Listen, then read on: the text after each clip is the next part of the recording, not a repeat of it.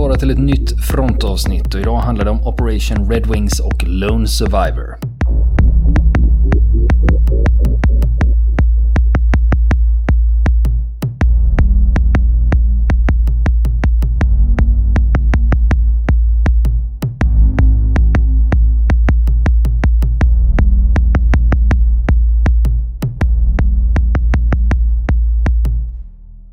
Kommer in i berättelsen har tre av spaningsstyrkans fyra soldater dödats. Den enda överlevande, sjukvårdaren Marcus Luttrell, har skadad lyckats ta sig 11 kilometer från platsen där striderna ägde rum. Då kommer han fram till ett vattenfall och hela tiden under den här flykten, då har han varit extremt törstig och letat efter vatten hela tiden, för han har ju tappat sin vattenflaska då. Nu är han vid det här vattenfallet och han tänker smidigt glida ner för en sluttning och vidare ner i floden. Mm. För han är en bit upp på berget och bredvid vattenfallet. Det. Och det här går ju fel då när han ska försöka smidigt glida ner för den här sluttningen. Utan han faller fritt med huvudet först. Och han slår huvudet i en sten i floden. Och slår upp knäna i ansiktet och blir medvetslös igen. Oh. Och sen när han kvicknar till så ligger han vid stranden bredvid det här vattenfallet då. Och då dyker det upp folk med vapen och då blir han för första gången riktigt förbannad och försöker ställa sig upp. Men benen funkar inte, så han kan inte ställa sig upp, utan han ramlar omkull. Och bakom honom, tio meter bort, så dyker en man upp och ropar American, American. Och Luttrell han snurrar runt med vapnet i färdigställning, men skjuter inte. Och han kan i efterhand inte förklara varför sköt han inte. Och man närmar sig och frågar American, American. Och Luttrell frågar honom Taliban, Taliban. Och sen frågar afghanen Shampoo Hydrate, Shampoo Hydrate. Och, och liksom, det har något med vatten att göra. I alla fall, han for, ja. förstår fortfarande inte idag vad då shampoo, hydrate, vad har det med Nej. saken att göra.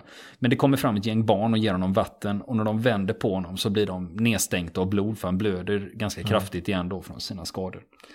De vuxna männen som har omringat honom där, de konfererar vad de ska göra. Då lyckas ett av barnen förklara för Marcus så här att jag såg dig falla ner för berget. Very long fall. Whole village saw. Very funny. Big joke. så de har sett honom liksom ramla ner från de här jävla bergssidorna. Då. Ja, men jösses.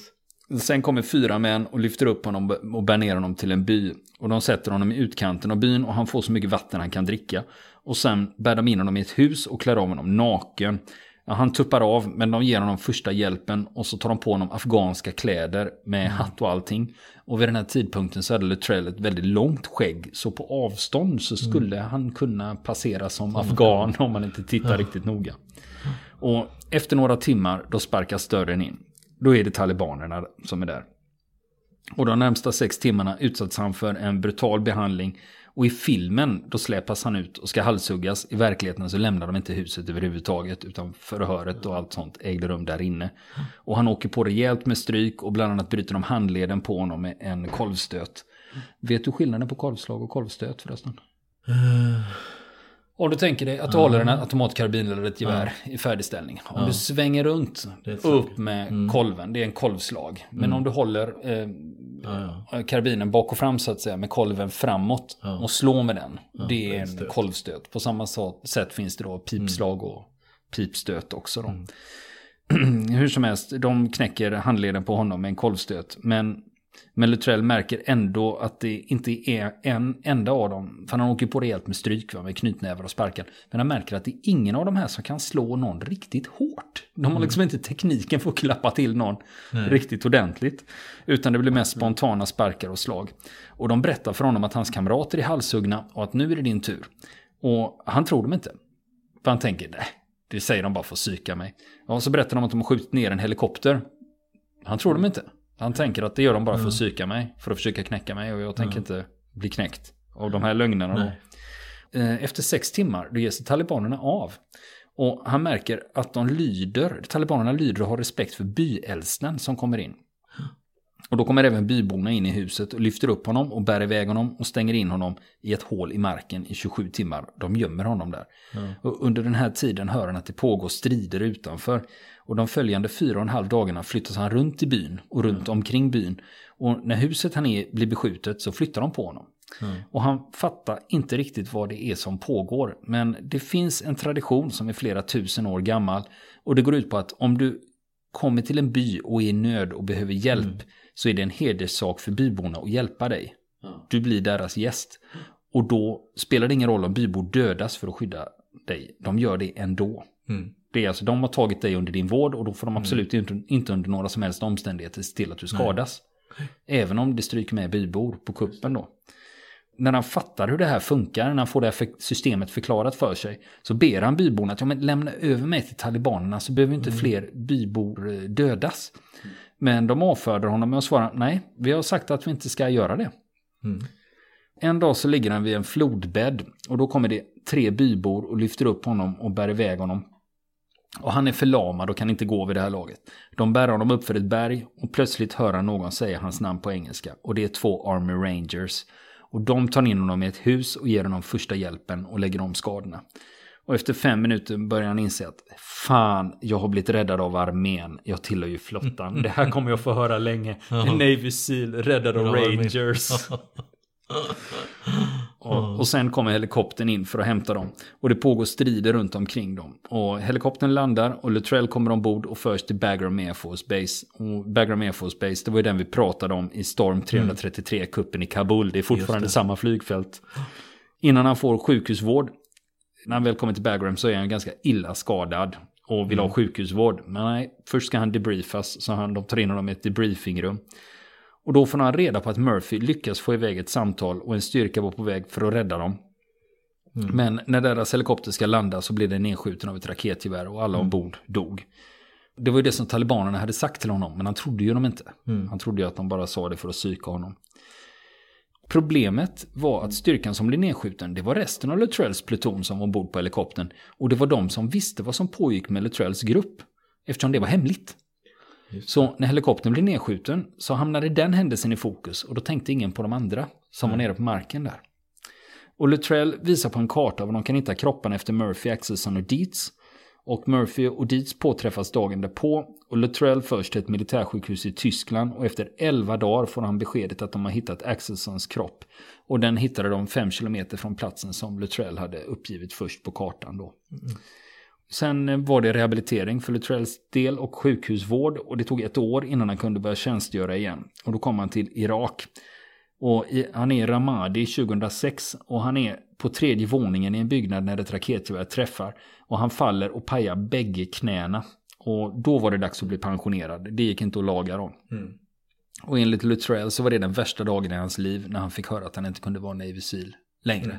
Då var det stopp med den karriären. Så han åkte hem till Texas och gick in i en depression. Och det var först när han träffade sin blivande fru som det började vända igen. Samtidigt så är det han och en författare som skriver boken Lone Survivor ihop. Och den kommer ut i juni 2007. Och den kom ut i juni och redan i augusti så har Universal Studios köpt filmrättigheterna för 2 miljoner dollar. Och den börjar filmas i september 2012 med Mark Wahlberg i huvudrollen och den har premiär 2014. En annan intressant grej det är att Luttrell, han har en liten biroll i den här filmen.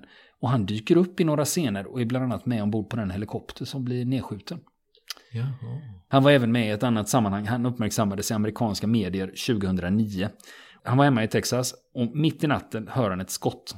Ja, nu är det ju Texas i och för sig. Men han går ändå ut för att kolla. Han har med sig sin 9 mm pistol, såklart. Det är ju Texas. Då visar det sig att då är hans hund ihjälskjuten. En gul labrador. Och han bestämmer sig för att få tag på förövarna. Och han ser en misstänkt bil en bit därifrån. Så han kryper under ett staket och närmar sig bilen med pistolen höjd. Han är ungefär 20 meter ifrån den. Då sticker bilen iväg. Och Marcus Luttrell slänger sig in i sin bil. Eller ja, det var faktiskt en Faktiskt var det en pickup. Det är ändå Texas. och följer efter hundmördarna då. Och han ringer 911 och berättar vad han är. Och han, han ger sig inte utan han följer efter de här hundmördarna då genom tre counties.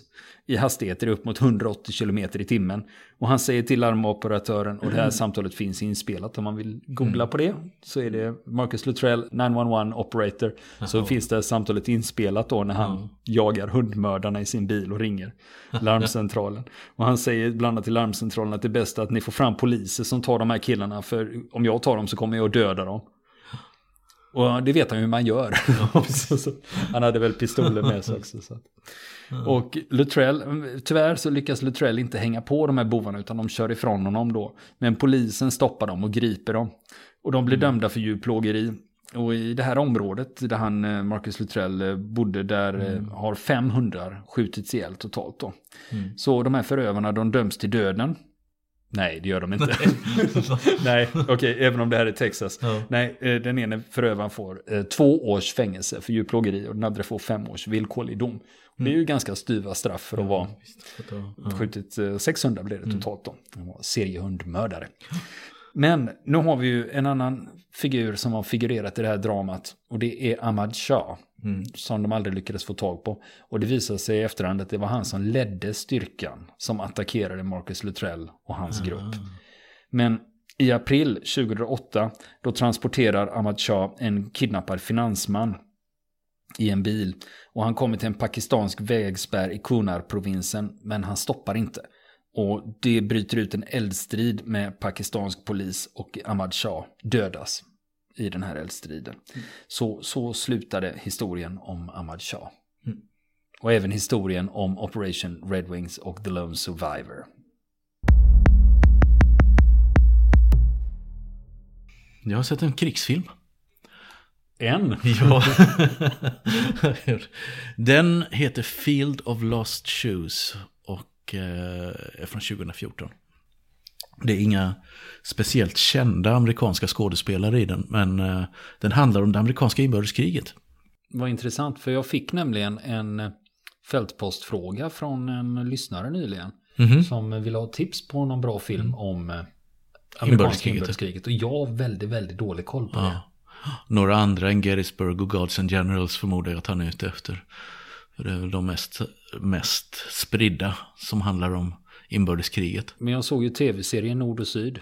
Ja, Och McKayen, Luke McKayen. McKayen han, han är ju med där också på nordsidan. Ja, han är, det stämmer.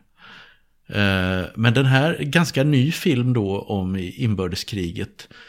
Eh, Sean McNamara heter, eh, heter regissören. David Arquette är med, är väl den mest kände av eh, skådisarna där och han är inte speciellt känd han heller, skulle jag säga. Jo, lite. Så, han är ja. med i Scream-filmerna. Ja, just det. Den här utspelas under, eh, alldeles mot slutet av inbördeskriget, 1864. Eh, det är en, knappt ett år kvar av, av kriget och det går ganska dåligt för sydsidan. I Virginia som är en av de främsta staterna då i eh, sydsidans koalition, så ligger Virginia Military Institute, en kadettskola som hade nästan lika hög status som West Point.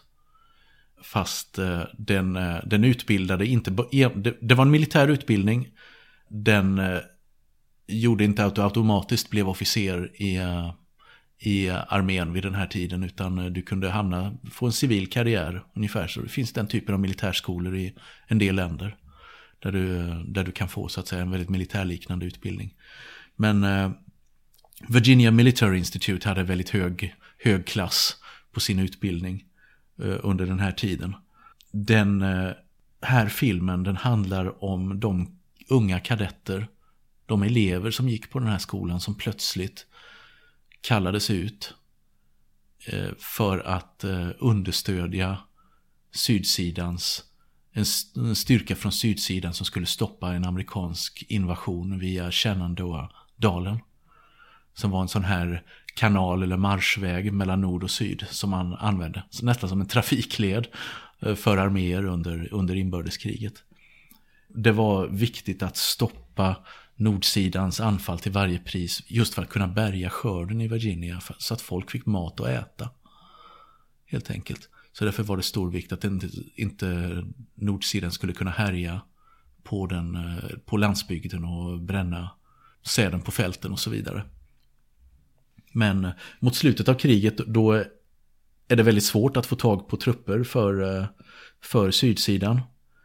Många har stupat redan vid annalkande fara så kallar man ut 257 kadetter från den här skolan och det är pojkar som är i åldern 15 till 21 år. Det här är en verklig historia.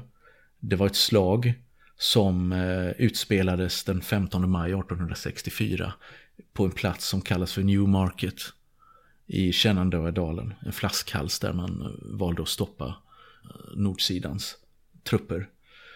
Nordsidan leddes av en general som heter Franz Siegel. Och sydsidans befälhavare heter Beckenridge. General. Och det var meningen att de här pojkarna då, som eh, inte hade varit ute i kriget, och många av dem var väldigt unga, eh, var praktiken barn. De skulle bara vara med som en reservstyrka. Och skulle inte sättas in på riktigt. Hade man sagt eller intalat sig själva på sydsidan. Är du reserv så finns alltid risken att du blir använd i strid. Och det var mycket riktigt det som inträffade under det här. Det uppstår en lucka i fronten och de här pojkarna sätts in i den här striden. Och det de brister i militär kunskap kompenserar de med ren entusiasm. Och genomför ett i princip nästan självmordsanfall mot de amerikanska linjerna. Som sen drar med sig de övriga sydstatstrupperna i anfallet. Och de lyckas under svåra förluster erövra ett, ett eh, amerikanskt artilleribatteri med flera kanoner.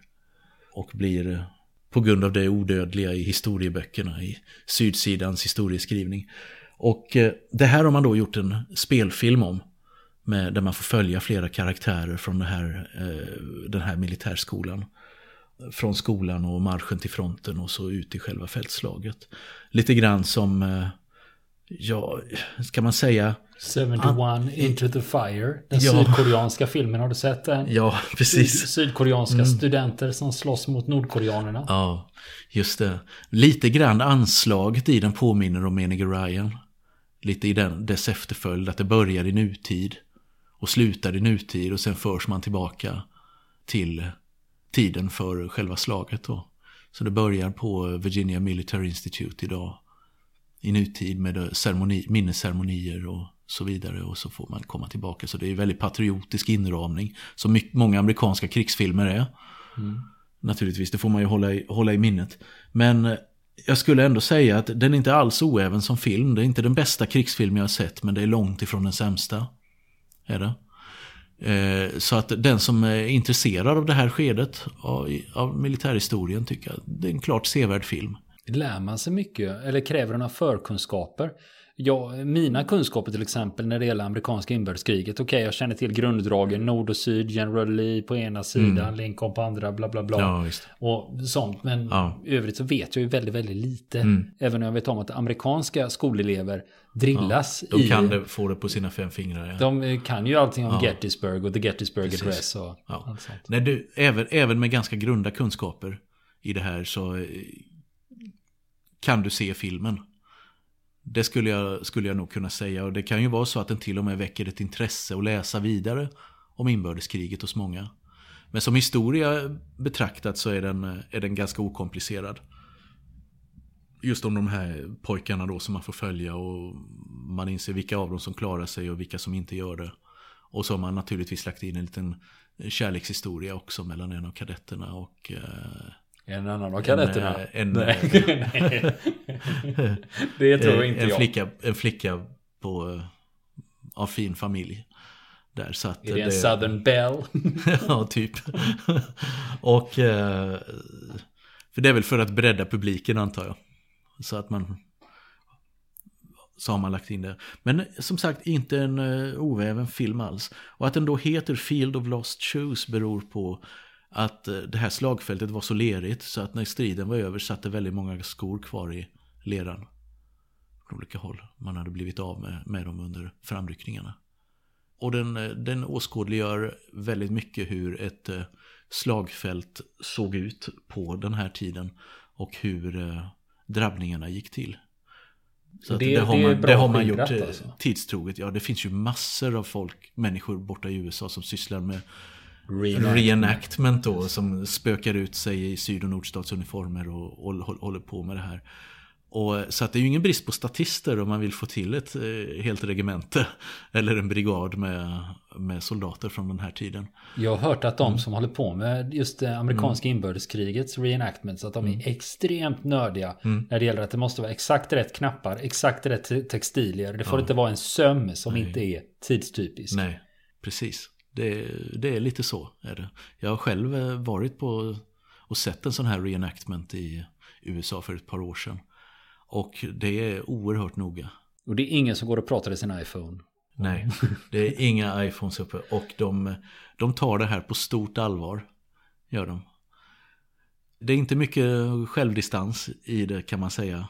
Och, eh, Nej men det är ju en del av, man måste det är en del av deras historia. Det är en del av deras historia och mm. den har haft en mm. väldigt, väldigt stor påverkan Precis. på USAs ja, utveckling Precis. också. Och, och det vill de, vill de skildra på något sätt. Vissa, vissa skriver böcker, vissa läser böcker, vissa klär ut sig i uniformer för att visa. Och det, fin, det finns någonting som är...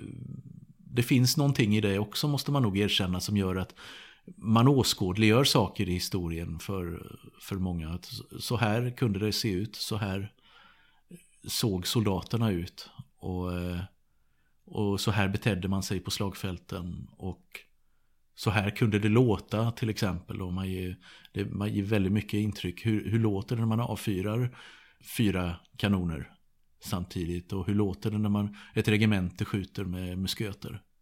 Och så vidare. Bara sådana saker bidrar till att ge den historieintresserade dimensioner av det här, även om man ibland kan eh, ifrågasätta en del av de här människornas mentala hälsa, förstås. Mm.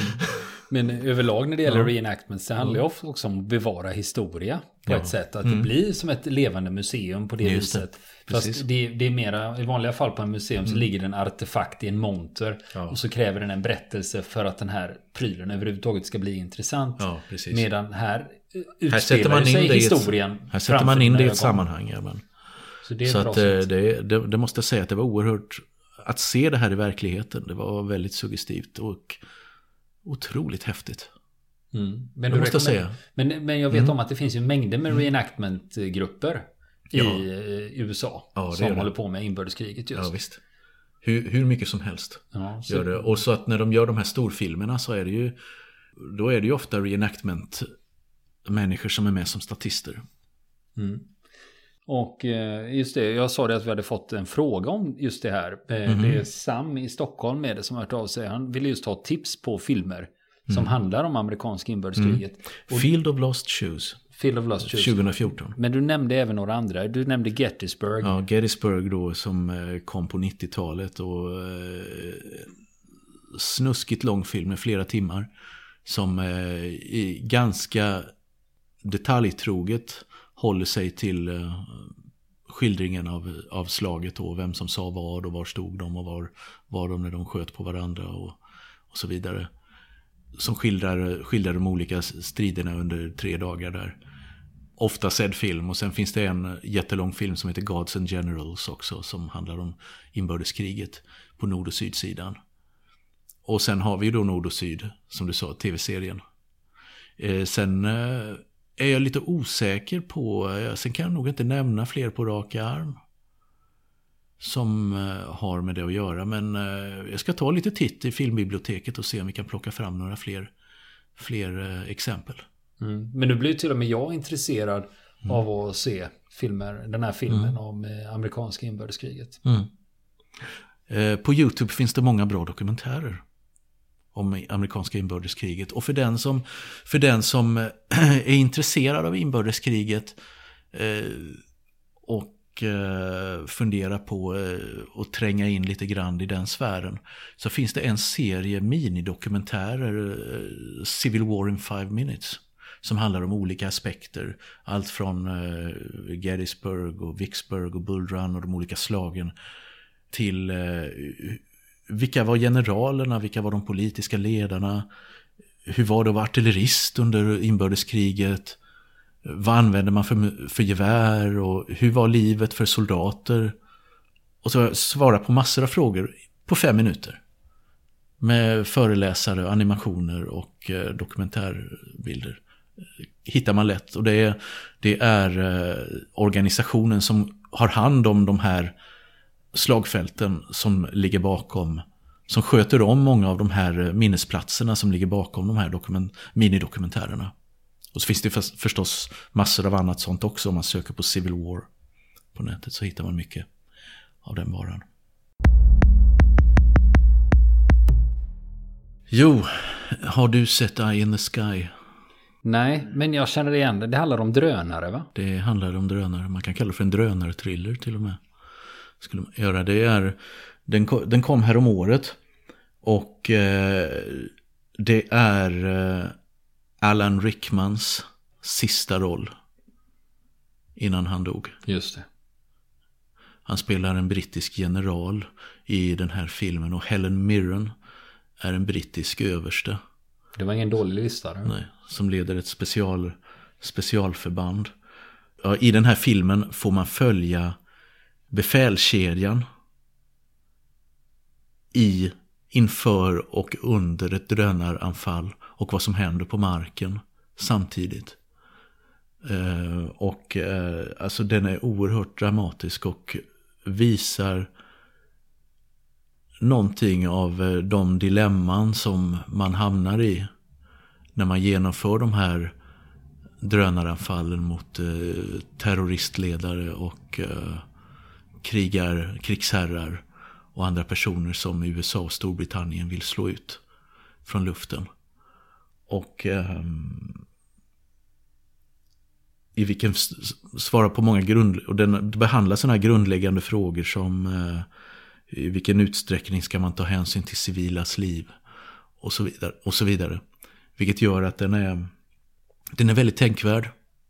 Den är, eh, känns väldigt trovärdig. Och den, den utspelas då på tre platser samtidigt. Dels i Storbritannien. Där eh, Mirren då sitter som överste på ett kontor och generalen sitter på ett annat kontor. Och på Hawaii. Där drönarpiloterna sitter i små, eh, kan man kalla det för, tv-spelspoddar ungefär. Och styr eh, drönare på andra sidan jordklotet.